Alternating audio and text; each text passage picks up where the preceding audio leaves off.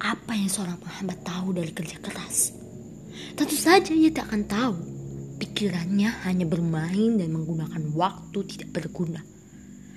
Apa yang seorang penghambat ini tahu dari passion? Tentu saja ia tak akan tahu karena ia terlahir begitu saja tanpa ada ketertarikan dalam suatu bidang. Berhenti. Berhentilah menjadi penghambat orang lain. Biarlah orang lepas tanpa tahu penghambat yang tak tahu apa-apa.